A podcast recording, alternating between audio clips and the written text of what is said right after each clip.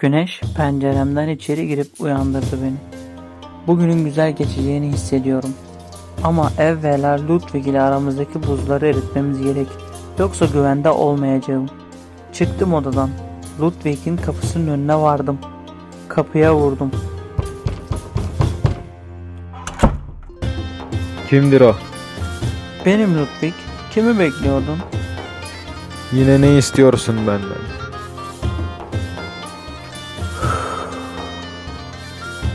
Bak Ludwig. Buraya aramızdaki sorunları çözmeye geldim. Öyle mi? O zaman kılıcının üzerine atla. Aramızdaki tüm sorunlar çözülsün. Haddini aşma Ludwig. Ben senin efendinim. O eskide kaldı. Ünvanların eremediği bu topraklarda sadece kılıcı olanlar efendi olabilir. Unvanlar burada da geçerli Ludwig. Litvanlara seni kovmalarını söylersen hemen kapı dışarı ederler. Onların bir otacıya ihtiyacı var. Eli silahlı, sağa sola belli olmayan bir deliye değil. Bir de o konu var. Sen bizi öldürürler derken sadece beni korkutmaya mı çalışıyordun? Cevap ver. Evet, Korkunun duvarları yıkılıyor Karl. Dikkatli ol. unutma Ludwig. Bizden başka kimsen yok. Eğer sözümü dinlemezsen yapayalnız olacaksın. Doğru ya. Vatanım çok uzakta. Buradan kopardın beni. Burada sadece siz varsınız. Lanet olsun. Konuşmamız bittikten sonra Otto yakınımızda bitiverdi. Efendi Karl, aşağıda bir Litvan askeri sizinle konuşmak istiyor. Pekala geliyorum. Ludwig sen de bizi takip ediyorsun.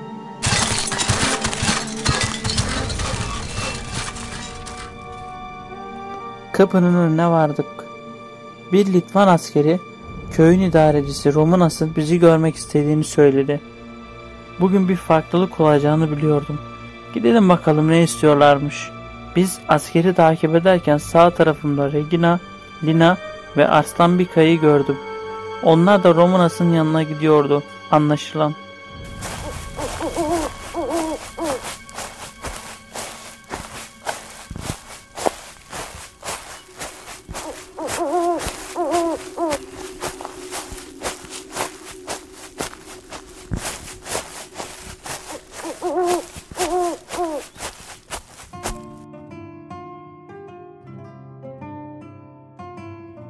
Kısa süre sonra etrafı kazık surlarla çevrili taş bir binanın önüne geldik.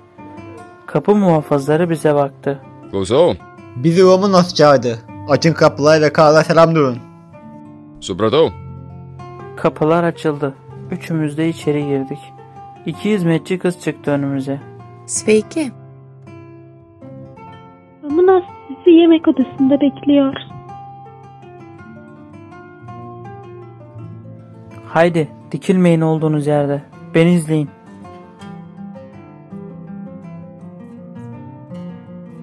Beraber yemek odasına girdik. Romanas uzun dikdörtgen masanın en sonunda duruyordu.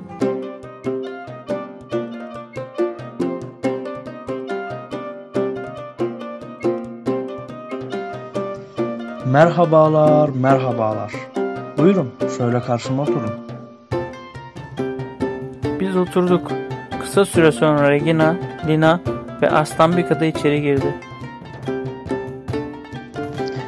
Oğlum nerede Regina?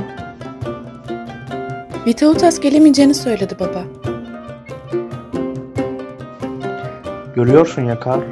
Oğlum hayatta diye şu demirci kadına öfkeleniyordum. O bile oğlumdan daha vefalı çıktı. Ben oğullarıma köyle ilgilenin, benden sonra siz burayı yöneteceksiniz dedikçe onlar bu işten uzaklaştılar. Belki benden sonra Lina geçer yerime. Oğullarımdan umudum kalmadı artık. Boş lafları bir kenara bırakalım. Biz neden çağırdığınızı öğrenmek istiyorum.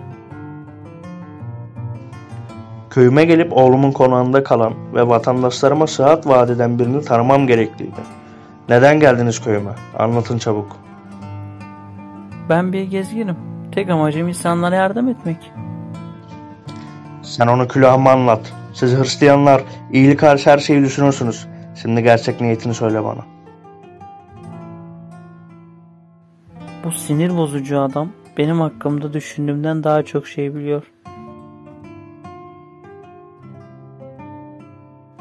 Buraya vebanın bir çaresini bulmak için geldim. Biliyordum zaten. Bu kıyafetlerle diğer veba doktorlarından bir farkın yok. Evet, görünüşte aynıyız. Ancak değerli taşlar hep derinlerdedir.